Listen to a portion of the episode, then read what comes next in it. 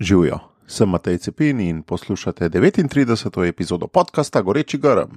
V njej gostim Žigo Turka, ki je diplomiral iz gradbeništva, magistriral iz računalništva, doktoriral pa iz tehničnih znanosti. Sedaj je redni profesor na fakulteti za gradbeništvo in geodezijo, širša javnost pa ga je seveda spoznala, ko je bil dvakrat minister. V podcast sem ga povabil predvsem iz dveh razlogov, namreč v dveh stvarih mi je še posebno velik navdih. Najprej kot človek z ogromno znanja.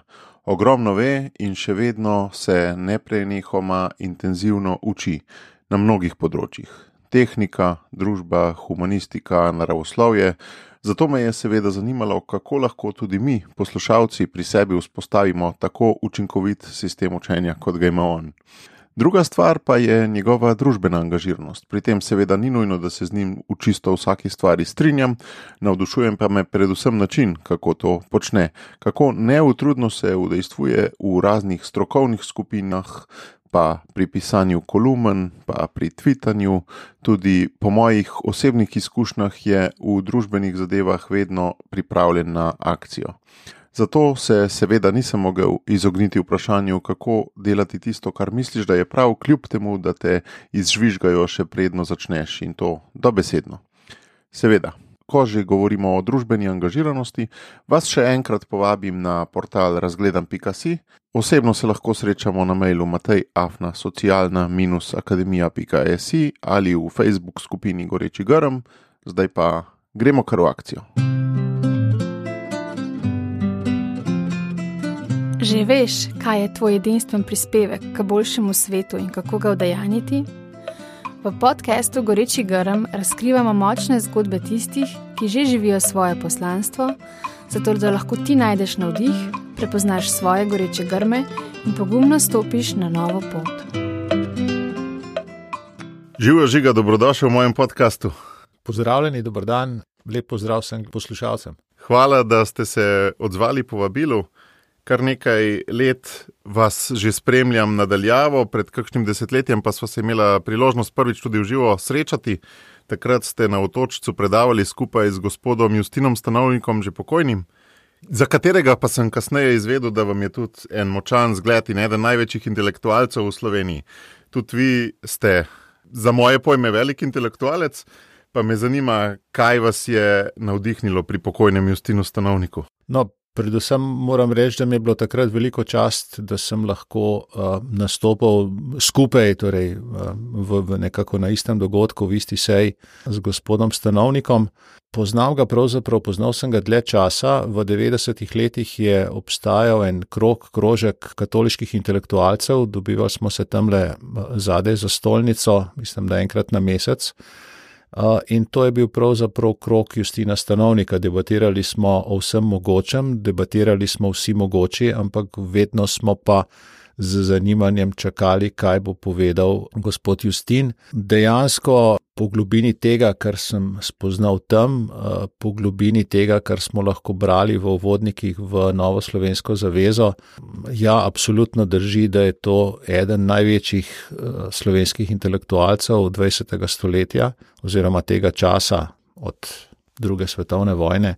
Sem in tudi eden od najbolj prezrtih prav zaradi tega, ker ni govoril in pripovedoval tega, kar so govorili in pripovedovali vsi ostali. Za tiste mlajše, ki gospoda stanovnika ne poznajo, preživel je kaj teharja, ne?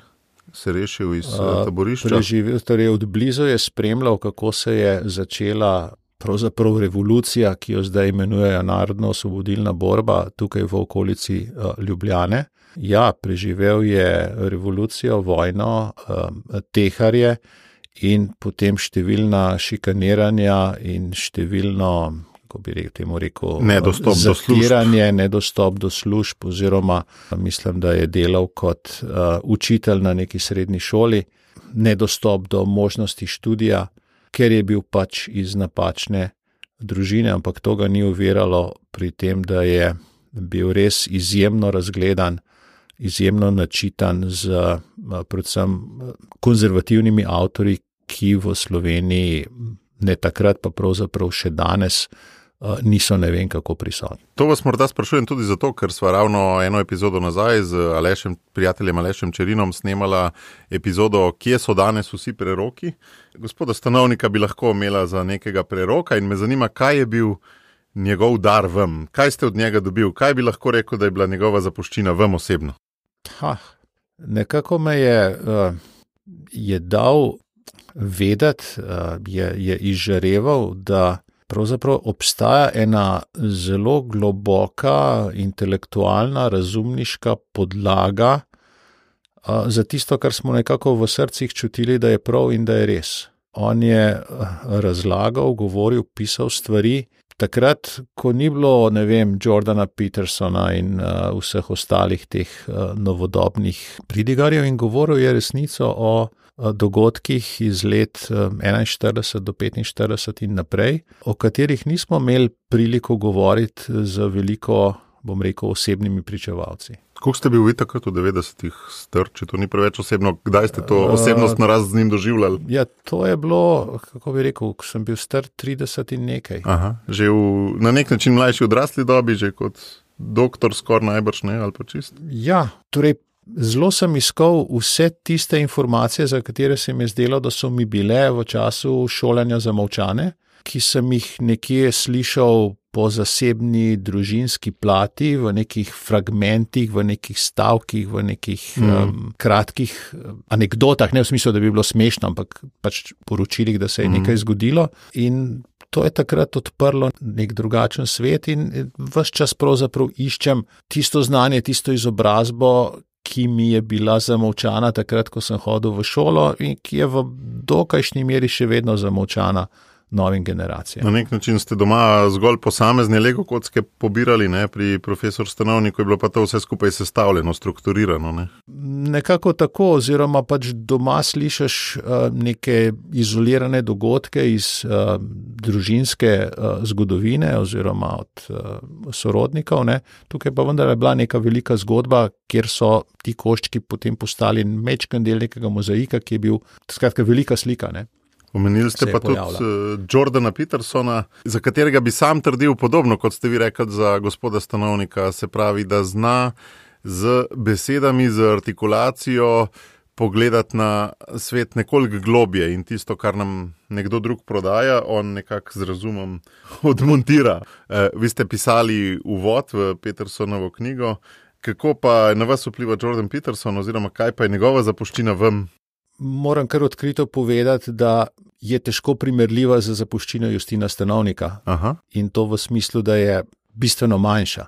Justin Stanovnik mi je takrat, oziroma je vse čas mi pripovedoval, vendarle več stvari, ki so bile bolj nove in bolj relevantne za to našo slovensko zgodbo, kot Peterson, ki je pač eden od konzervativnih, konzervativno-liberalnih intelektualcev sodobnega časa, ki pa vendarle pove malo novega.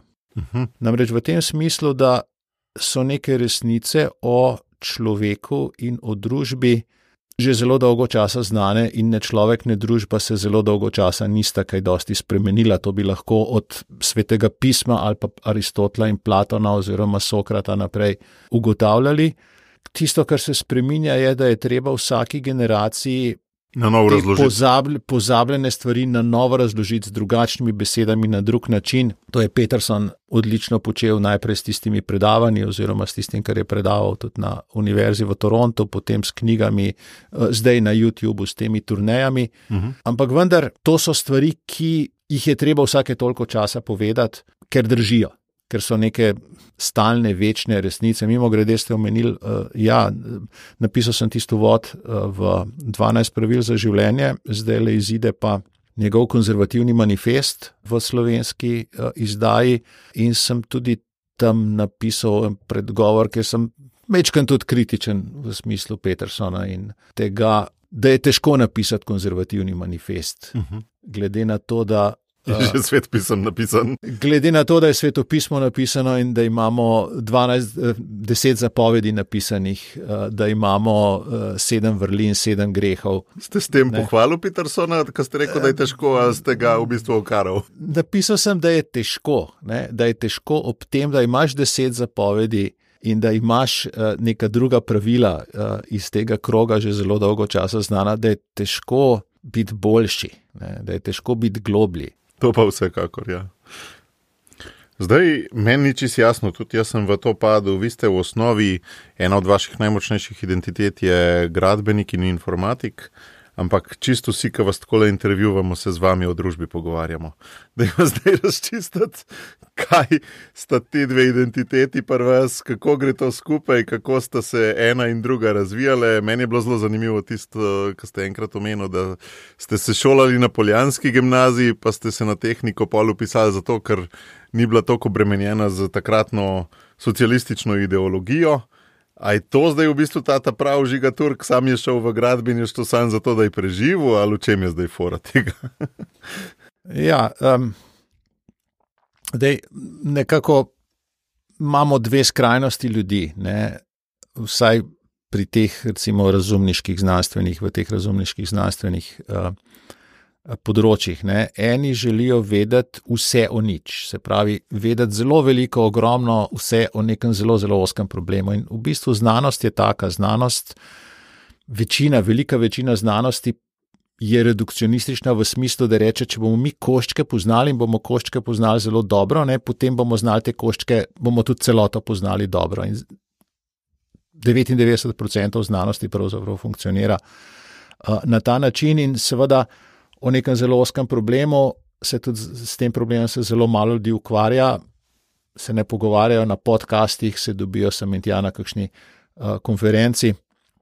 Uh, znanstveni in tam uh, izmenjajo izkušnje, čeprav iz tega mojega ožjega uh, področja gradbene informatike dva kolega delata podcaste in uh, imata tudi že, ne vem, ogromno iz, uh, oddaj, sem tudi tam enkrat uh, gostoval, eh, verjetno ni pa toliko ogledov kot eh, stvari, ki so širše zanimive. No, in potem je druga skupina ljudi, ne, ki pa hočejo vedeti nič o vsem. Ne. Se pravi, o vsej zadevi, pa seveda možgani so končno veliki ne, in veš pa malo, ampak v vsaki stvari nekaj malega veš. Skratka, po, poskušaš pogledati na stvari bolj holistično in jaz sem prav gotovo bolj v tej uh, drugi skupini. Ne. Uh, cela mhm. slika me zanima, velika slika me zanima. Ne. Tudi uh, v svojem ožjem znanstvenem področju um, bolj nekako generalistično gledam na stvari, kot pa da bi se v nek droben detajl uh, zelo, zelo zakopal.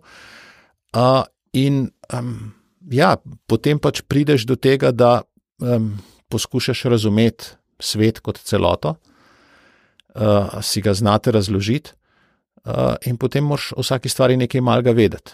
Ne, in, um, to je potem zanimivo, mogoče za takle širši krok, za te najne poslušalce zdaj le. Uh, je pa seveda to odprto za uh, očitek, uh, ki se mi stalno ponavlja, da se ti pa nisi strokovnjak za to, se ti pa ne veš nič o tem, se ti pa ne veš nič o tem. Ne, nekaj malega vem, ne, ampak vem nekaj malega o kar nekaj zadevah in se potem da neko večjo sliko sestaviti vsega skupaj. To ste prej omenili, kot da sta dva tipa ljudi, ne, kot da bi bili s tem na nek način rojeni. Ali je to bila neka vaša zavestna odločitev, da boste rajš kot vse o nič, da boste ta tip nič o vsem? E, namreč sam podobno doživljam, ko sem diplomiral na računalništvu, sem se počutil ravno tist. Da, da zdaj pa vem veliko o nekem zelo oskem segmentu. Ne? In sem se pa prav, pri meni je bilo to kar malce zavestna odločitev, da želim big picture uh, živeti, ne pa neke mehke, drobne probleme.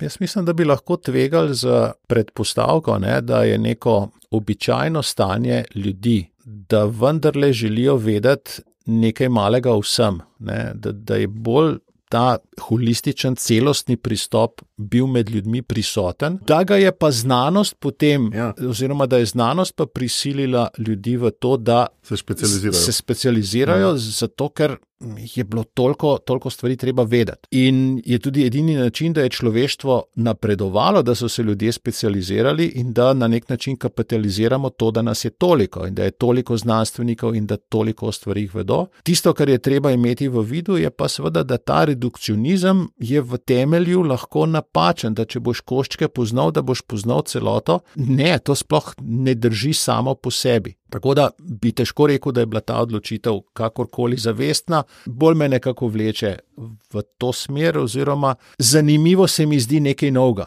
nekaj, česar do zdaj nisem vedel, in potem se stvari mečkaj razreze, razlezajo v širino. Uh, mimo grede, jaz tudi študentom svetujem, da obstaja en kompromis med tema dvema ekstremoma. Jaz ne trdim, da obstajata samo ta ekstrem ljudi, oni ekstrem ljudi, ampak nekako v tem spektru, med tema skrajnostima se vsi ljudje nahajajo. Pravijo, da bi morali biti ljudje nekako znani, mora imeti obliko črke T. Ne? Se pravi, tista prečka zgoraj od tega, mm. neka širina, ne? potem pa poglobitev v neko specialnost, kjer znaš nekaj specialnega, kar zna malo drugih ljudi. Ja. Skratka, biti T oseba, ne I oseba. Ali pa minus oseba. Ali pa minus oseba. Ja. Ampak s tem pa nismo še nič rekli o, tem, o tej dilemi, ne? naravoslovje versus družboslovje, ki sem vas tudi izval. Tako bom rekel, ne?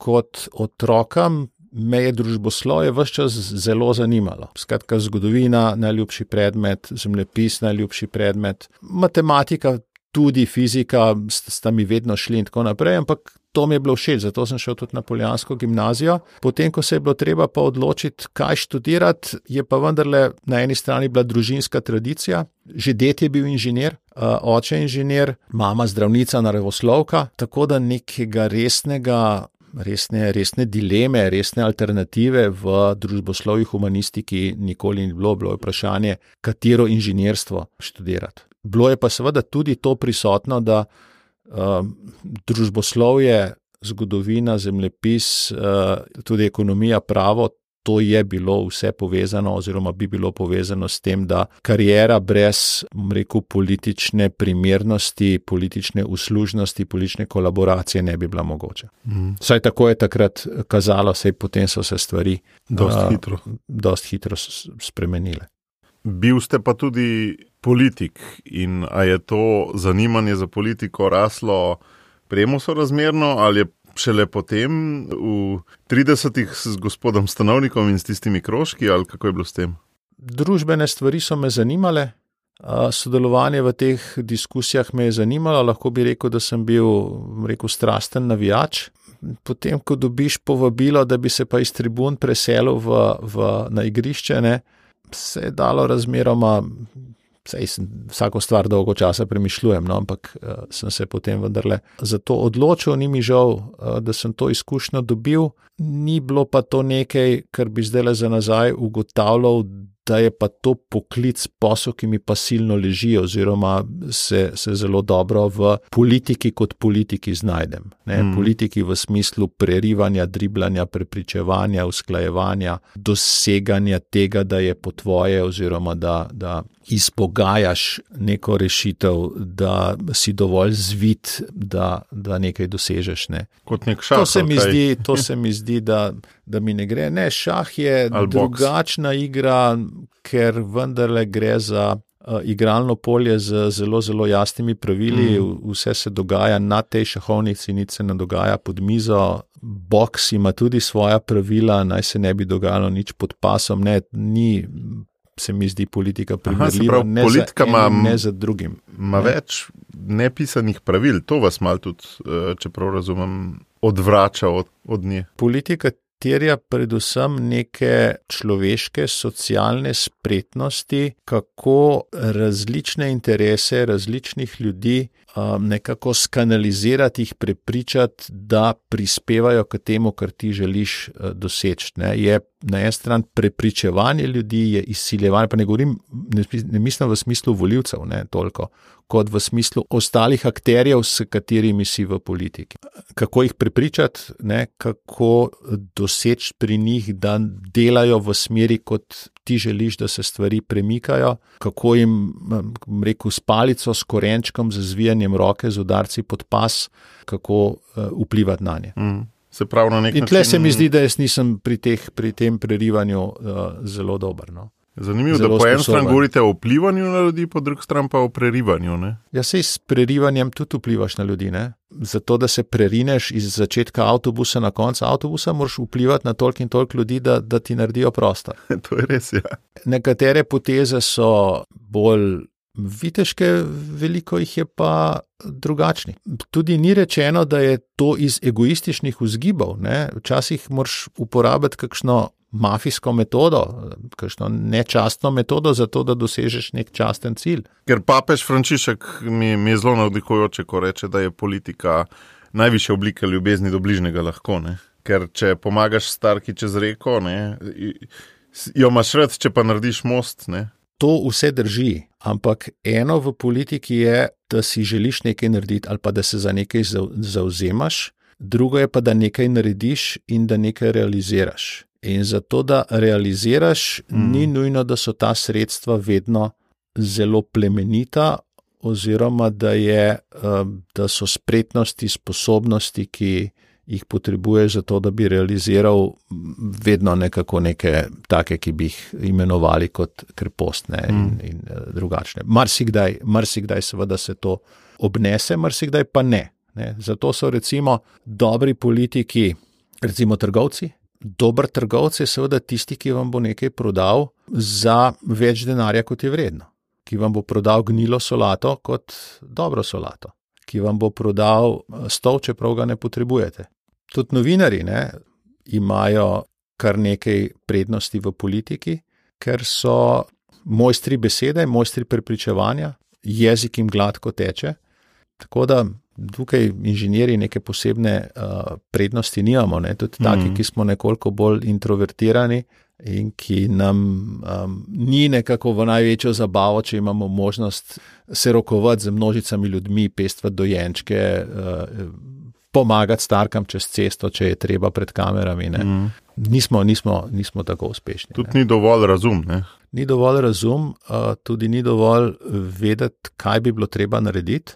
Pomembno je znati realizirati ja. tisto, kar bi rad. Skratka, realizacija je tisto, ne, kar se od politike pričakuje, ne pa ideja, kaj bi bilo treba. Zato tudi vi govorite, imate eno zelo nenavadno tezo za slovenski prostor, da v Sloveniji manjka profesionalnih politikov. Ne?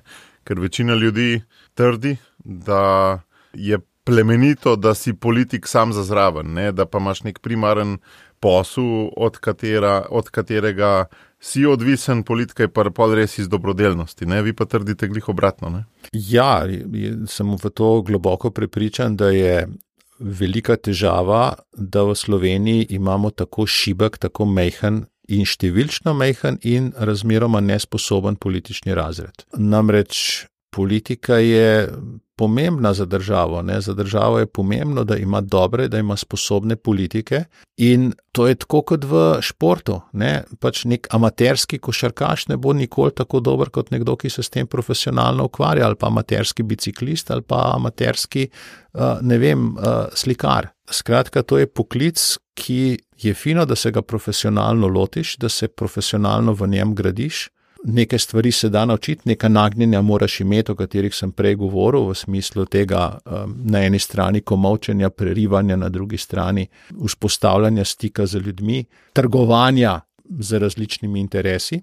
Če politika nima stvari v rokah, potem z javnimi stvarmi upravlja nekdo drug. In to mm. se mi zdi, da se nam v Sloveniji dogaja, da je politika izrazito podhranjena, da imamo mogoče tri resne stranke, ki imajo nek aparat, ki imajo nek mečken, mečken bazen, kamor lahko zaposlijo ljudi, ko niso. Na izvršilnih funkcijah, oziroma ko niso v parlamentu, ko je izredno šipka civilna družba, oziroma bom rekel, vsaj del civilne družbe, izrazito šibak, in to bi kazalo ojačati, ne? povečati financiranje političnim strankam in vzpostaviti financiranje s strankami povezanim uh, think tankom. To v Sloveniji manjka, to je Nemčija naredila po drugi svetovni vojni, da bi uh, tudi se denacificirala, da razmeroma bogato financirajo think tanke vsem glavnim političnim grupacijam levo, desno in sredinsko.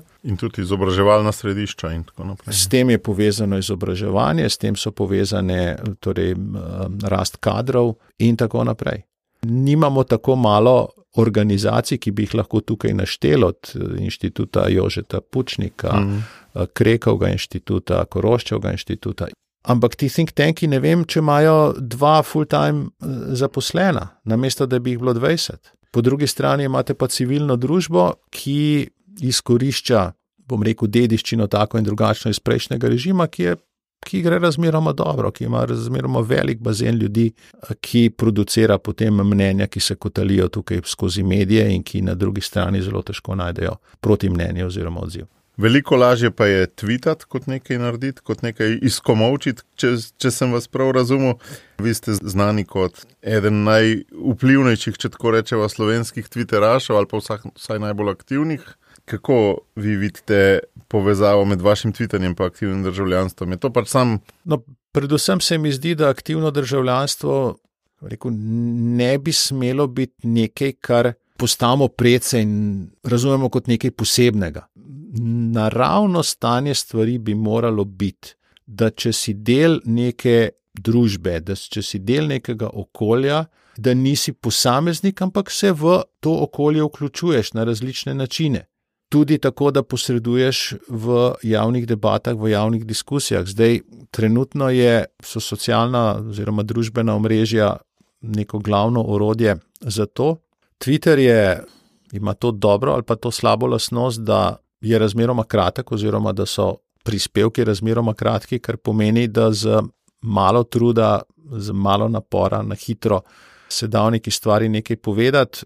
Mogoče bi lahko rekel, da vsak tweet je zamujena kolumna, ne? ker namesto da bi tisto misel iz tvita razdelil in napisal celo kolumno, ostane pri tvitu in potem.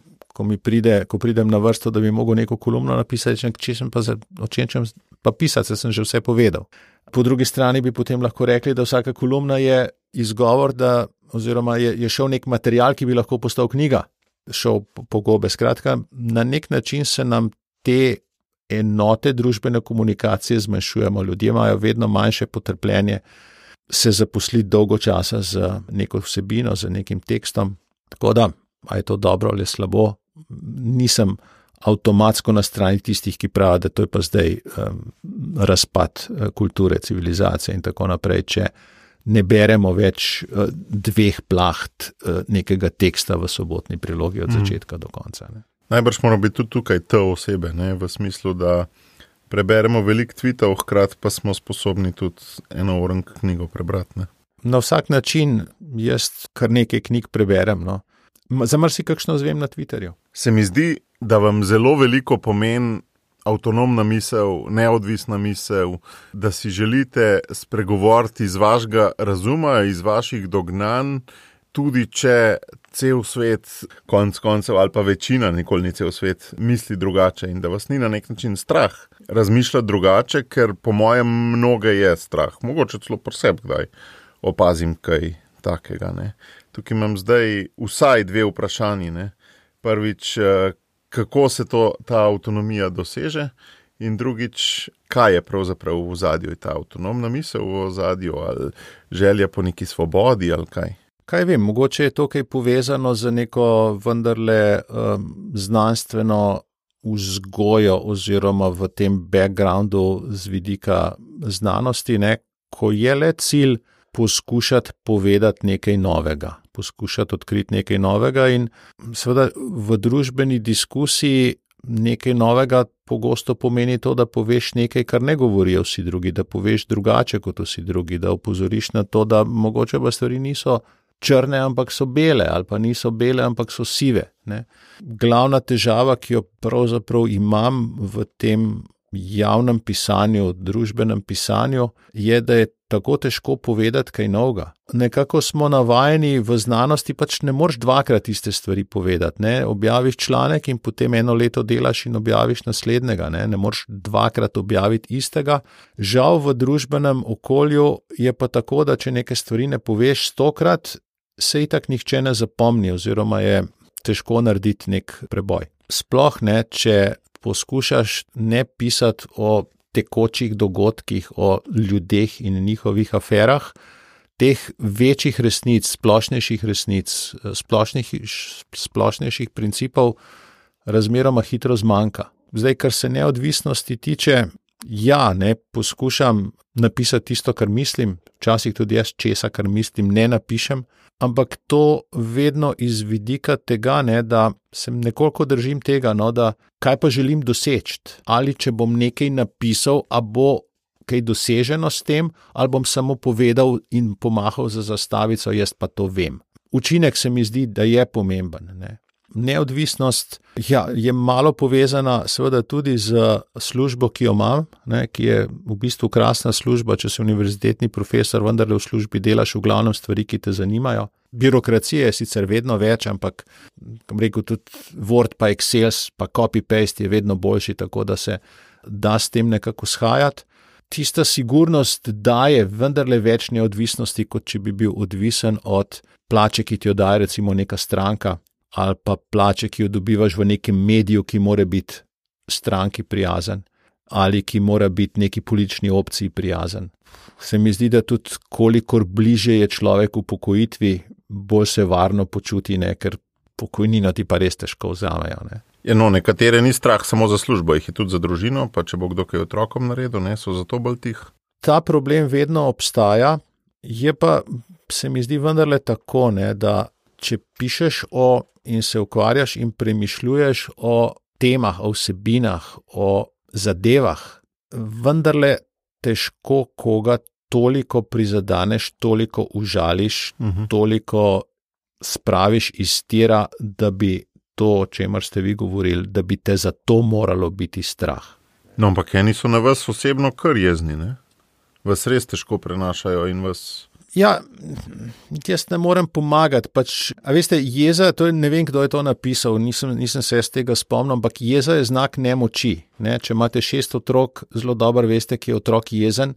Takrat, ko nečesa ne more, ker nima drugega izhoda, je pač jezen. In če so name jezni, to pomeni, da so nemočni v zvezi z mojimi argumenti. Ne vem, naj odprejo še kakšno drugo knjigo, naj preberejo še kaj drugega, pa se bodo česa naučili. No, ampak ko se nekdo nad vami razjezi, vas narate nač strah. Tudi ko so vas še ne novo pečenega ministra za mega ministrstvo.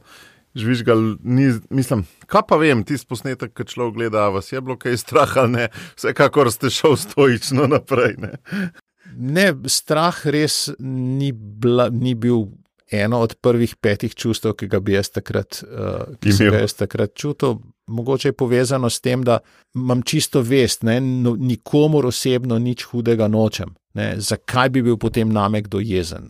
V redu, če se kdo z mano ne strinja, jaz se tudi z marsikom ne strinjam, pa zaradi tega ga ne bom, zaradi tega mu ne bom osebno uh, nikjer sitnaru. Moram tudi reči, da skoraj da nimam negativnih izkušenj tako na cesti, v kavarni, v trgovini. Praktično vse moje izkušnje v zadnjih, mogoče petih letih, so pozitivne, razen ene, ki je pa tako zanimiv, zanimiva anekdota, ampak mislim, niti ne zanimiva. Enkrat se mi je zgodilo, no, da, je nek, da je nekdo pristopil do mene in začel, kako bi rekel, nekaj, nekaj polemizirati. No. In sem vam... si mislil, pa da se vam da. No, Bilo je na letališču, A se vam da, pa se zdaj greste z avionom ven na počitnice, ne vem, kam greste, no, a, a se vam zdi to potrebno. No. Tako javno ali ena na ena? Ne, ena na ena je bilo. Ampak se vam zdi, da je povprečen slovenc, povprečen vaš sodržavljan, bolj tih, pa ne pove vsega kot vi? Ali se vi ne zdite sam sebi nič posebnega. Ker jaz ne, vas to ogromno, sprašujem, glede zato, ker se mi zdite zelo nadpovprečni v, v smislu brez dlake na jeziku. Ogromno ljudi se boji izpostaviti, ogromno ljudi se boji na delovnem mestu, mogoče še kje drugje. Prid uh, s kartami na dan, izpostaviti, da mogoče ne podpirajo tega, kar je pa v družbi mainstream, oziroma kar v družbi velja podpirati. Ja. So zato bolj tiho, imajo zato anonimne račune na Twitterju. Ne, nekaj Twitterašov je odličnih, ki skrivajo svojo identiteto, ker si ne morejo privoščiti, da bi v njihovem okolju vedeli, da to je pa tale, ne, tale je pa napačen. Ker je Slovenija še vedno država, kjer te lahko, če se ne strinjaš z temi, predvsem levičarskimi ortodoksijami, imaš težave v službi, imaš težave z napredovanjem, če si zasebnik, imaš težave s pridobivanjem uh, poslov, ki so kakorkoli povezane z kom, ki ima povezavo z državo. Ne vem, mogoče sem jaz produkt tiste generacije v 90-ih letih, ko smo rekli, da je zdaj pa demokracija, zdaj pa, zdaj pa te nevarnosti ni več, zdaj se pa lahko izkažemo, izpostavimo. Čeprav moram reči, jaz sam pri sebi sem bil razmeroma previden do trenutka, ko sem dosegel redno profesuro, oziroma previden. Nisem se tudi medijev, mogoče ni bilo toliko, ampak sem, sem večkrat pazil, ker tam se le glasuje, tam je le, um, kako bi rekel, stvar mnenje, ja ali ne, ne. Tako da sem se z vsem tem začel ukvarjati bolj na glas, potem ko nisem več odvisen od dobre volje kakšnega kroga. Aha, se pravi, da je res to, da ste neko varno stopničko dosegli in ste se le, še šele potem začel oranku glašati, in da pač večina ljudi enostavno ni varne stopničke še dosegla. In je največ tudi nikoli ne bo. To je povsem mogoče. Ne? Tudi, kako bi rekel, potem, ko sem bil na javnih funkcijah v neki vladi, oziroma v dveh vladah, jaz ne morem nobenega več farbati, da ne mislim to, kar mislim. Ne? In nimam, nima več tega luksusa, da bi rekel, ne, ne, sej, sej Turk, sej taj pa naš, ne, sej taj pa ta prav. Ja, nisem. Ne? Nimate, ampak imate pa dovolj dober postlan, da lahko še vedno rastete v službi in delate in se razvijate. No, jaz k sreči mislim, da sem na svojem strokovnem področju dovolj dober, mm. da mi tukaj težko naredijo težave. Pa vendarle tudi to mislim, no, da če polemiziraš, diskutiraš na nekem določenem nivoju, da le si ne narediš preveč sovražnikov. Kultura, ne, nasprotnikov, nasprotnikov, seveda, ja. Ne. ne vem, jaz se mi zdi, da grem lahko z vsakim od, od teh, s katerim se ne strinjam. Na pijačo, na kavo, mogoče mm. se njim to zdi, oni ne bi hoteli, njim mm. bi se mm. zdelo, eh, da ne smejo iti, ali pa da, da ne bi bilo primerno, ali pa bi imeli slabo vest uh, in bi se slabo počutili, ampak bi težko rekel, da sem uh, s kom skregan. Mm. Bi zdaj znali po vsem tem, kar ste se že javno izjasnili, opredeliti vaš svetovni nazor? Se mi zdi tako, da vi svoj svetovni nazor dosti zavestno gojite. No? Da ljudem se pač zgodi, so rojeni v krščansko družino in pol imajo nek krščanski svetovni nazor, ali pa so se enkrat uprli in imajo antikrščanski svetovni nazor. Ampak pač se to malo tako zgodi. Vi se mi pa zdi, da to kar zavestno, razumsko gojite in me zdaj zanima, kako bi ga opredelil. A ste liberalci, ali ste konzervativci, ali ste krščanski demokrat, ali, ali ste od tega pobrali to, od tega to? Zdaj, vse te kategorije, ki ste jih našteli, so abstrakcije ne? in so kot abstrakcije poenostavitve. Vsak, se mi zdi, svetovni nazor je, je, je spektr, je tako kot barva, ki je sestavljena, za vsako barvo, ki jo vidva vidva okrog sebe, je sestavljena iz. iz Tolk in tolk tega valovanja, tolk in tolk tega, tolk in tolk tega. Ne? In ti spektri so, uh, oziroma te komponente so, so lahko zelo različne. Jaz moram reči, da, da iščem, kako bi rekel, kaj je res, kaj deluje, kako se svet vrti, in uh, skozi to dobivam neka prepričanja. Ne? Ta uh mhm. -huh. prepričanja se pa potem da reči, da ta del je, recimo, liberalen, uh -huh. v smislu tega, da svoboda je potrebna ne, da je svoboda eno krasno orodje za to, da so ljudje ustvarjalni, da kaj novega pogruntajo, da nam je vse skupaj boljša, boljše. Mimo grede, da je tudi svoboda držav, da poskušajo se na različne načine organizirati in potem vidimo, kaj deluje in kaj ne deluje, ne da se jih glaj šalta vse na isti bruselski vlak. Se pravi, da je tudi vaše EU premočno. Imam razumevanje za, kako bi rekel, avtonomiste, ki so, ki so v Evropi sicer na slabem glasu, ampak se mi zdi ta, rekel, vestvalski princip, ne, da, da, da se ne se vsaka država, nacionalna država po svoje organizira, pomemben ne, in da to priseganje, dogmatično priseganje na liberalno demokracijo kot na um, neko dogmo, ne, ni nujno dobra. So neke stvari v redu rešene, nekatere niso. Ne. Skratka, svoboda je fajn, ne, ampak ne sme postati absolut, ne sme postati kako bi rekel, nek axiom, iz katerega bomo vse ostale stvari izpeljevali, ker v tem primeru ni čisto nič boljša, potem, oziroma niso liberalci nič boljši od socialistov, ki postavijo pa enakost na ta vrh piramide, iz katerega vse teoretično potem izpeljejo. Skratka, nobena od teh velikih ideologij, ki postavi nek axiom na vrhu in potem iz njega vse izpelje, mi ni blizu, oziroma se mi zdi napačna. Axiomi so nevarni, bi lahko rekel. Uh, teorije so nevarne. Ne? Nevarno je postaviti neko teorijo in potem iz te teorije postaviti pravila, kako naj se družba Politiko. organizira, politična, kako naj, se, kako naj se politika vede. Tisto, kar pa vemo, da deluje in tisto, kar jaz kot naravoslovec ali pa kot tehnik, seveda, komod sprejmem, ne? je pa da izkušnje pa nekaj štejejo. Ne? Skratka, če nekaj deluje, potem lahko za empirično ugotovim, da je pa v redu. Tudi če ne vem teoretično, zakaj to deluje. In to je pa nekje v jedru konzervativizma. Oziroma konzervativizma v smislu, mi smo dosegli, kar smo dosegli, ker smo delali stvari tako in tako. To, da smo delali stvari tako in tako, očitno deluje, ker smo dosegli to, kar smo dosegli. Če bomo samo ohranili vse to, nam gotovo ne bo šlo slabše.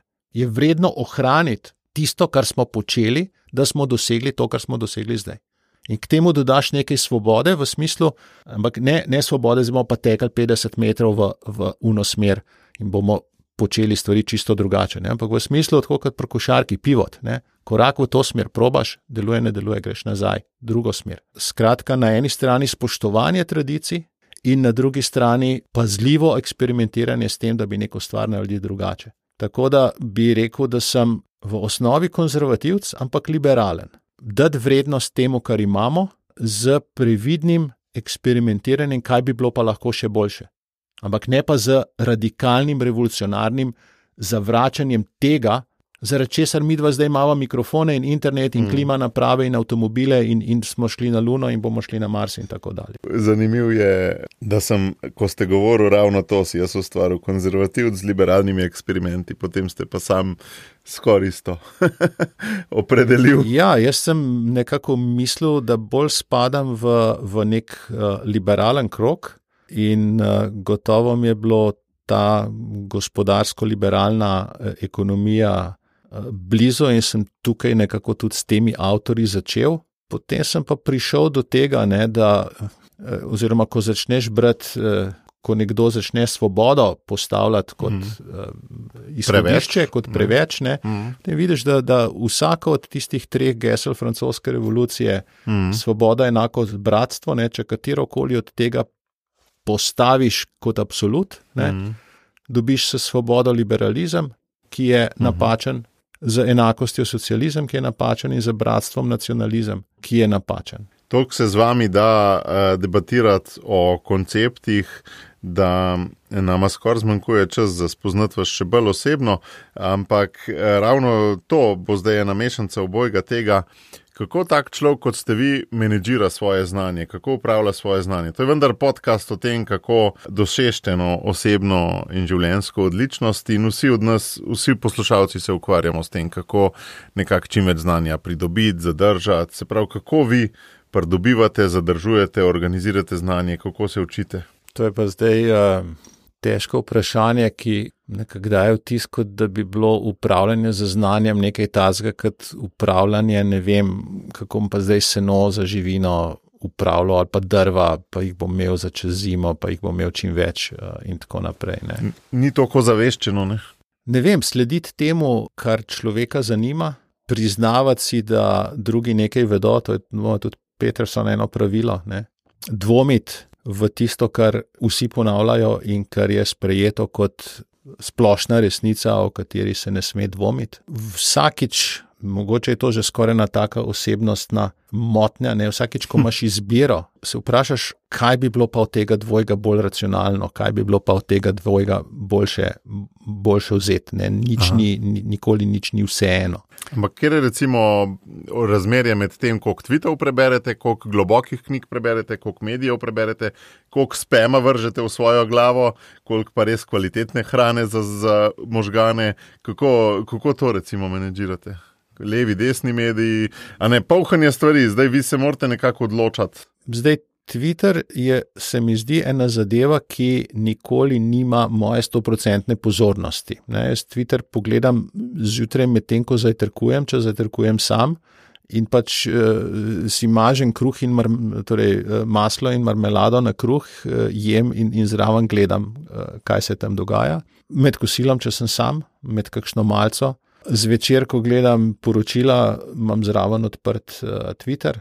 Uh, včasih, ko sem toliko utrujen, da ne morem kaj drugega početi. Ne. Skratka, Twitter ni nekaj, kar bi bilo za 100% možganov zaposliti. Uh Mhm. -huh. So pa to knjige, ne, so uh -huh. to članki, je to nekaj, kar pač opaziš, ti pritegne pozornost, poskušaš prebrati. To pa terja dosti več časa. Ne. Zdaj, knjigo imam, imam že skoraj težave, no, kako vse tisto, kar imam nekje na, na, na seznamu, da bi bilo dobro prebrati, -huh. obdelati. Zadnje čase sem začel brati, torej uvod, pa zaključek in, in vmes uh, nekoliko prelistam. Uh -huh. Poskušam si narediti kakšne izpiske, kaj je važnega, rad kaj podčrtam. Poskušam spremljati par svetovnih časopisov, tako da jih berem od začetka do konca, ne da po spletnih mestih klikam, ne, ampak tisto, bom rekel, verzijo, ki je tiskana, pogledam, ne, da, da dobim neko celo sliko, kaj se dogaja.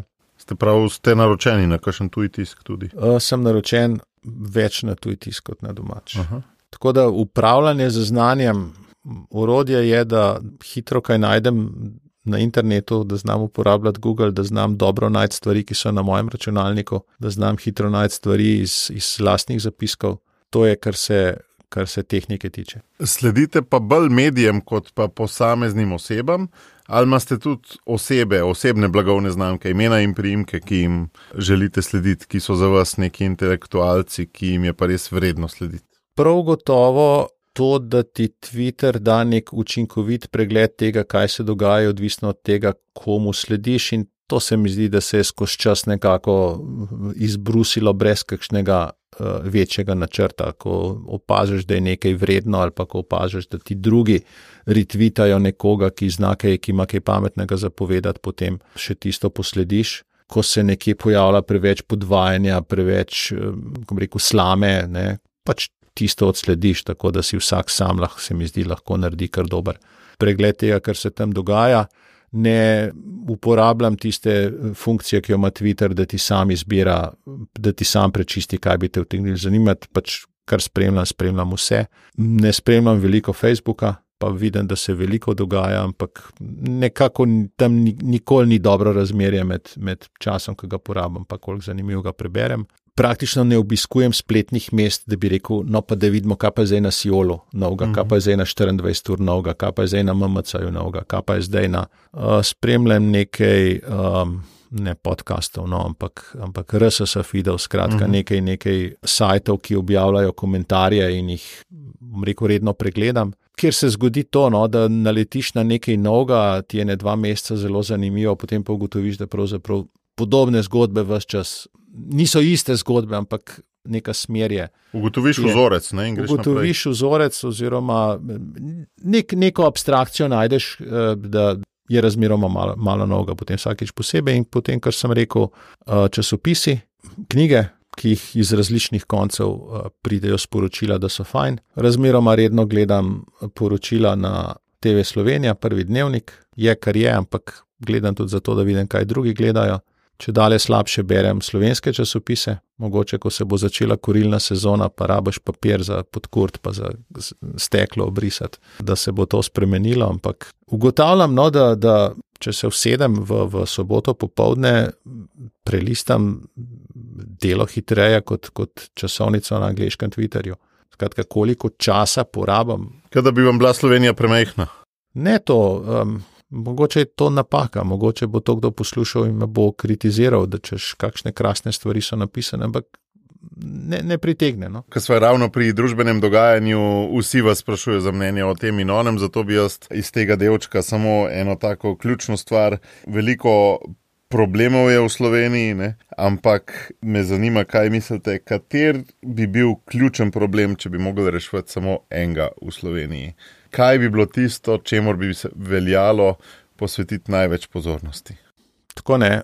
Um, če gre v inženirstvu kaj narobe, ne, če se recimo podre nek most ali pa strmoglavi letalo in potem raziskujejo, kaj in zakaj in kako se je to zgodilo, nikoli se ne zgodi zaradi ene napake. Vedno so stvari postavljene. Tako imajo tolkenih varovalk, da samo če pride do sosledja napak, se je, ne vem, zmotil tisti, ki je načrtoval zadevo, in potem so naredili neko napako pri gradnji, potem so še slabo vzdrževali, potem se pa nekaj podre. Ne. In se mi zdi, da je podobno tudi v družbeni situaciji. Tako da eno točko, da bi imel eno Arhimedovo mm -hmm. točko, kjer bi, kjer bi v Sloveniji lahko stvari premaknil.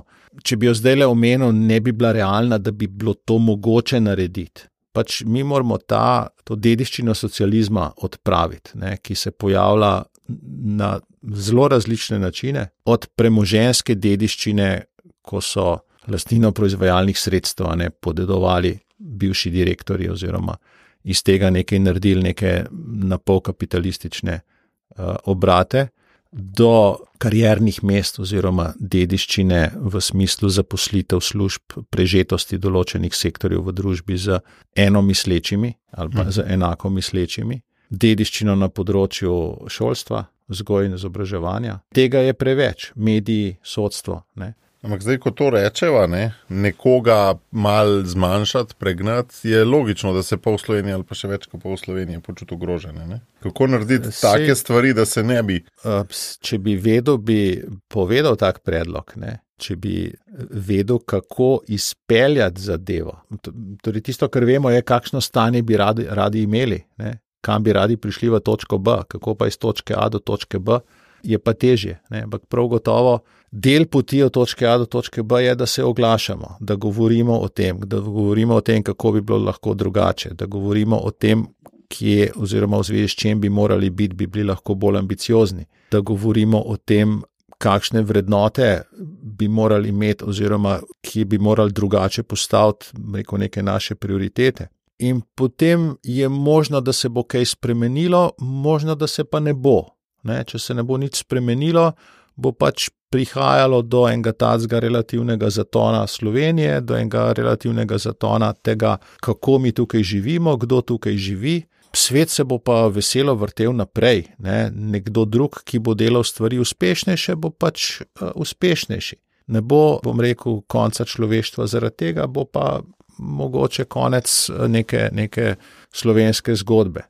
In če uh, sklenemo to proti prihodnosti, kaj žiga Turk razmišlja v nadaljnih nekaj letih, kakšen poseben izziv, karjerni, družbeni, karkoli, ali se želi bolj ali manj naprej odvijati iz te varne profesorske pozicije in s tvitanjem in oglašanjem, branjem, raziskovanjem.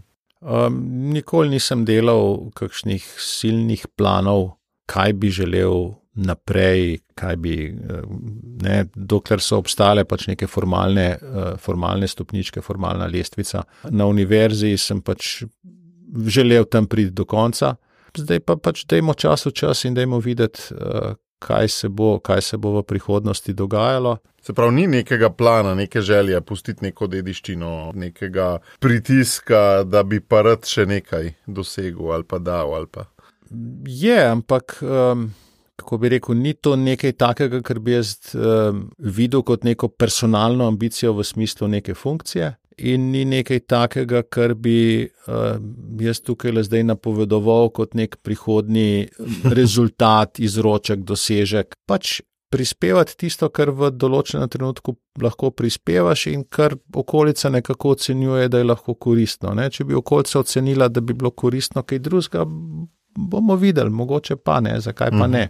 Ampak da bi si pa jaz zaradi rekel, svoje želje po slavi ali pa čemorkoli drugemu, kišno stvar želel, pa pravzaprav ne. Tole je podcast, čisto za zaključek, o tem, kako najti in živeti svoje poslanstvo. To je malo taka duhovna tema. Ne? Vi, ki ste intelektualci, me zanima, v koliki meri sploh verjamete v koncept osebnega poslanstva. Se pravi, v to, da, imamo, da so nam dani neki goreči grmi v življenju, ki nas, tako kot Mojzesa, ne, pol pošljajo na nek 40 let pot skozi puščavo z neko misijo, z nekim poslanstvom. Ne. Kako verjamete v to, da sva imela vi in jaz neke goreče grme, neke dogodke, ki so naj usmerili in je prav, da sva jim zvesta, tistim dogodkom tudi v preteklosti, tistim spoznanjem, tistim morda osebam, morda tistim duhovnim vzgibom to boste vi vedeli boljše od mene in mogoče se motim. Uh mhm. -huh. Ampak s tem gorečim grmom, a ni dal Bog s tem Mojzesu neko avtoriteto, neko nalogo, neko spodbudo, da se on pojavi kot voditelj tistega naroda. Ne?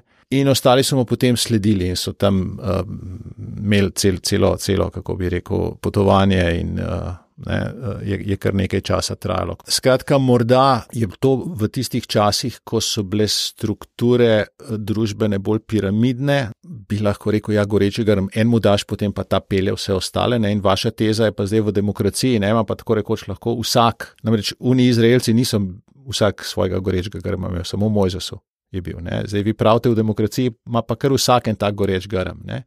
Mogoče je nekaj na tem, ampak zdi se mi, da govoriva o tistem, kar smo, kar smo že enkrat omenili, da je ta ideja, da smo posamezniki in individualci, in da smo ločeni od ostanka družbe, oziroma da nas naš odnos do ostanka družbe določa neka zakonodaja in to, da ne smeš unmo narediti, kar, torej, da, bi, da bi ti naletel na pravice, trčil pravice drugega, vse drugo pa lahko počneš. Skratka, da je ta individualizem napaka, oziroma preveč preprosto enostransko gledanje. Ne? Vsi, zato da smo lahko individualni, mora obstajati družba, zato da, da čutimo svojo individualnost, smo lahko individualni edino v odnosu do družbe, znotraj katere pa smo in na katero pa vplivamo, in na katero jaz mislim, da moramo povsem spontano, naravno, vsakdanje vplivati, biti del tega, biti člani tega, ne da bi to razumeli kot nekaj posebnega. Uh Mhm. -huh. Mogoče nekdo, ki je bolj pišoč, ki se raž, rajši pojavlja v javnosti, ki je mogoče več knjig prebral, bo mogoče to izpostavljal na načine, da bo objavil več tvitev ali pa kolumn ali pa podkastov ali pa knjig ali pa ne vem, se pojavljal na govorniških odrih. Ampak tudi vsak drug bo v svoji soseski, v svojem bloku, v svoji vasi, v svoji fari, na svojem delovnem mestu, v službi. Nekaj o skupnem povedal, nekaj o skupnem imel mnenja, nekaj v zvezi s skupnim želel in bo del tega, bo vključen v to, si bo prizadeval za to, da bo to njegovo okolje boljše. Tako da, zdaj, aj to zdaj goreč grem ali ne, ja, verjetno v vsakmu nekaj malega more goreti, oziroma bi bilo prav, da gori in bi bilo prav, da si tega ne pustimo dušiti. V polnosti smo uresničeni šele takrat, ko prispevamo nekaj v skupno dobro, ko prispevamo nekaj v skladu s svojimi danostmi, s svojimi darovi iz uh, pogrnjene mize. Jaz rad rečem, kot Psalm 23 govori, da je miza vedno pogrnjena. Uh, imamo vedno neke darove, ki jih lahko damo v skupno dobro, in če jih ne prepoznamo, teh svojih darov, jih seveda ne bomo mogli dati. Ne? Zdaj, morda smo imeli mi dva lepo vzgojo, jaz ne vem točno za vas, ne? ti pomaga, lepa vzgoja, dobra, kakovostna vzgoja ti pomaga prepoznati, odkriti svoje darove. Ne? Nekdo pa mogoče iz tega prinesel to kran, da niti misli, da sam nima nekih darov ali pa tako ne. Mnogi slovenci so, ja, kaj bom pa jaz. Ne? Ja, kaj bom pa jaz. In ne vidijo tega lepega božjega dela v njih, koliko so edinstveni, koliko imajo darov, ki jih lahko družbi predajo. Ja, in bi morda dodal tukaj eno tako bolj, bolj tak, rekel, liberalen, libertaren pogled na stvar. Ne? Sej niti ni nujno, da mi te stvari počnemo zato, da bi družbi nekaj dali ampak ker si želimo, da bi bila ta družba taka, da bi bila nam bolj všeč, da bi bila za naše otroke boljša, da bi bila za naše starše boljša. Morda tudi iz nekih razlogov, ki so malce sebični.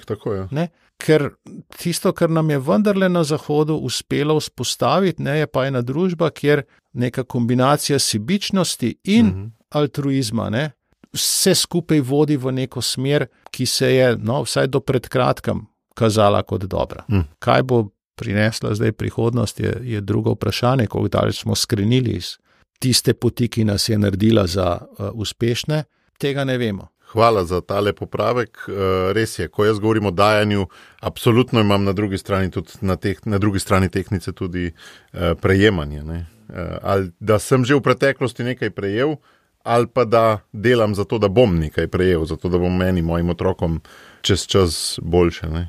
Tako. Hvala vam za tale res uh, navdihujoč, razumski, uh, miselni pogovor in uh, upam, da sva kaj lepega povedala. Hvala lepa za vabilo.